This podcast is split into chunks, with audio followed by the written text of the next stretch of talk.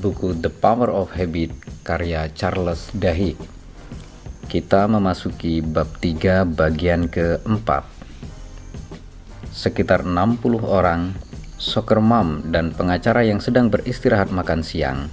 Laki-laki tua dengan tato yang memudar dan anak gaul bercelana sempit sedang duduk di dalam gereja dan mendengarkan seorang laki-laki berperut buncit dengan dasi sewarna mata birunya yang pucat. Ia tampak seperti seorang politikus sukses. Dengan karisma hangat orang yang yakin akan terpilih kembali. Nama saya John, ia berkata. Dan saya seorang pecandu alkohol. Hai John, semua orang menyahut. Pertama kali saya memutuskan mencari bantuan adalah ketika putraku patah lengan. John berkata. Ia berdiri di podium. Saya sedang selingkuh dengan seorang teman kerja dan ia bilang ke saya ia ingin putus. Jadi saya pergi ke bar dan minum dua gelas vodka, lalu kembali ke meja saya dan waktu makan siang pergi ke Chili's bersama seorang teman. Dan kami masing-masing minum beberapa gelas bir. Lalu sekitar pukul 2, saya dan teman lain cabut dari sana dan menemukan tempat dengan promosi happy hour 2 bayar 1. Hari itu, giliran saya menjemput anak-anak. Istri saya belum tahu saya selingkuh. Jadi saya menyetir ke sekolah dan jemput mereka, lalu menyetir pulang di jalan yang sudah saya lalui ribuan kali. Dan saya menabrak rambu stop di ujung blok, naik ke trotoar dan boom, langsung menyosor rambu itu Sam, anak saya, tidak pakai sabuk pengaman. Jadi, ia melayang ke depan kaca dan lengannya patah. Ada darah di dashboard, tempat hidungnya terbentur, dan kaca depan retak dan saya ketakutan sekali. Waktu itulah saya memutuskan saya butuh bantuan. Jadi saya pergi ke klinik dan kemudian keluar dan semuanya cukup baik buat beberapa lama. Selama sekitar 13 bulan, semuanya terasa hebat. Saya merasa terkendali dan saya mendatangi pertemuan tiap beberapa hari sekali. Namun akhirnya saya mulai berpikir, saya bukan orang yang payah amat sampai-sampai perlu bergaul dengan pemabuk. Jadi saya tidak datang lagi. Kemudian ibu saya terserang kanker dan dia menelepon saya di kantor nyaris dua tahun setelah saya berhenti minum-minum. Ibu sedang menyetir pulang dari dokter dan bilang, kata dokter dia bisa mengobatinya, tapi kanker ibu sudah cukup parah.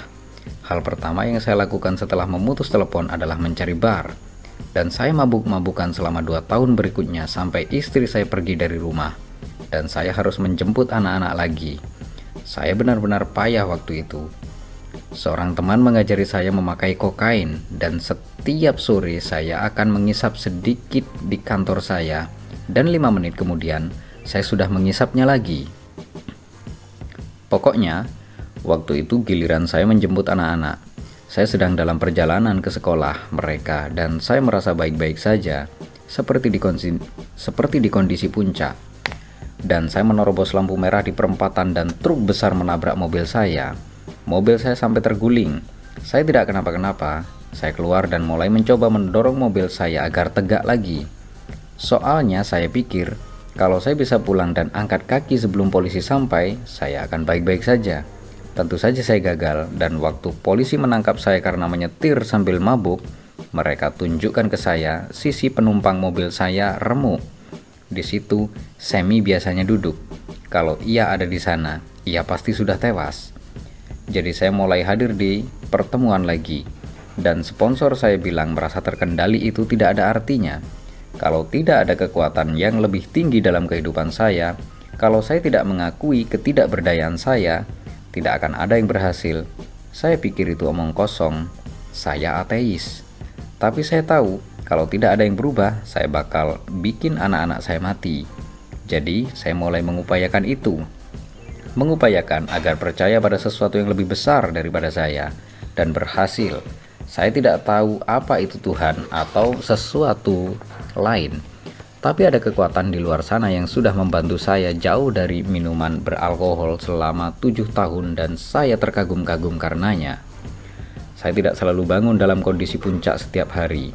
Maksud saya, saya sudah tujuh tahun tidak minum, tapi kadang saya tapi kadang saya bangun pagi dan merasa akan menyerah terhadap godaan hari itu. pada hari-hari semacam itu, saya mencari kekuatan yang lebih tinggi itu. Dan saya menelepon sponsor saya, dan kami nyaris tak pernah berbicara mengenai minum-minum. Kami mengobrol soal kehidupan dan pernikahan dan pekerjaan saya. Dan waktu saya siap untuk mandi, saya sudah waras lagi. Retakan-retakan pertama dalam teori yang mengatakan alkoholik anonimus berhasil hanya dengan memprogram ulang kebiasaan peserta mulai muncul tak beberapa lama sebelum satu dasawarsa lalu dan disebabkan oleh kisah-kisah dari pecandu alkohol seperti John. Para peneliti mulai menemukan bahwa penggantian kebiasaan bekerja cukup baik untuk banyak orang sampai tekanan dalam kehidupan. Misalnya mengetahui ibu kita kena kanker atau pernikahan kita berantakan. Menjadi terlalu berat dan di titik itu pecandu alkohol biasanya kumat lagi. Para ilmuwan mencari tahu mengapa penggantian kebiasaan yang katanya efektif itu tampaknya gagal pada saat-saat kritis. Dan sewaktu mereka menggali-gali cerita para pecandu alkohol guna menjawab pertanyaan itu, mereka menemukan bahwa penggantian kebiasaan baru menjadi perilaku baru yang tahan lama bila diiringi sesuatu yang lain. Satu kelompok peneliti di Alcohol Research Group di California misalnya, menyadari satu pola dalam wawancara-wawancaranya. Berkali-kali para pecandu alkohol mengatakan hal yang sama, Mengidentifikasi tanda dan memilih rutinitas baru memang penting, namun tanpa satu bahan lain, kebiasaan-kebiasaan baru itu tidak pernah tertanam sepenuhnya. Rahasianya, kata para pecandu alkohol adalah Tuhan. Para peneliti benci penjelasan itu. Tuhan dan spiritual Tuhan dan spiritualitas bukan hipotesis yang bisa diuji. Gereja penuh dengan pemabuk yang terus minum meskipun beriman, tapi dalam percakapan dengan para pecandu, spiritualitas terus-menerus muncul. Maka pada 2005, sekelompok ilmuwan kali ini yang berafiliasi dengan UC Berkeley, Brown University, dan National Institute of Health mulai menanyai para pecandu alkohol mengenai segala macam topik agama dan spiritualit dan spiritual. Kemudian, mereka mempelajari data untuk melihat apakah ada korelasi antara kepercayaan agama dan seberapa lama orang-orang menjauhi minuman keras. Muncullah satu pola. Data menunjukkan bahwa pecandu alkohol yang mempraktekkan teknik-teknik penggantian kebiasaan sering kali bisa menjauhi minuman keras sampai ada peristiwa menekan dalam kehidupan mereka. Dan pada titik itu, sebagian di antara mereka mulai minum-minum lagi, Tak peduli seberapa banyak rutinitas baru yang telah mereka rengkuh. Tapi para pecandu alkohol yang percaya seperti John di Brooklyn bahwa ada kekuatan yang lebih tinggi yang telah memasuki kehidupan mereka, berkemungkinan lebih besar melalui periode menekan itu tanpa berpaling lagi ke minuman-minuman. Yang penting bukan Tuhan itu sendiri, demikian yang ditemukan para peneliti. Kepercayaan itulah yang mendatangkan perbedaan. Begitu orang belajar bagaimana mempercayai sesuatu, Kemampuan itu mulai menyebar ke bagian-bagian lain kehidupan mereka, sampai mereka mulai percaya bahwa mereka bisa berubah. Kepercayaan adalah bahan yang membuat lingkar kebiasaan yang digarap ulang-ulang menjadi perilaku permanen. Setahun lalu, saya belum bisa mengatakan ini. Secepat itulah pemahaman kita berubah, kata Tony Gunn, si peneliti University of New Mexico. Tapi kepercayaan kelihatannya sangat penting. Kita tidak harus percaya Tuhan, namun kita perlu kemampuan untuk percaya bahwa segala sesuatu akan menjadi lebih baik. Bahkan bila kita beri kebiasaan yang lebih baik kepada seseorang, hal itu tidak mengubah alasan utama mereka minum-minum. Pada akhirnya, mereka akan berada dalam situasi yang payah dan tidak ada rutinitas baru yang bisa membuat keadaan terasa lebih baik.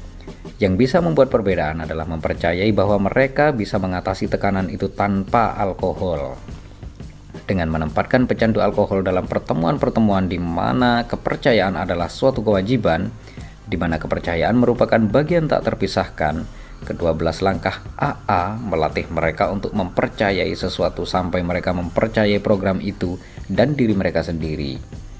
AA memungkinkan orang-orang berlatih mempercayai bahwa keadaan pada akhirnya akan menjadi lebih baik sampai hal itu benar-benar terwujud.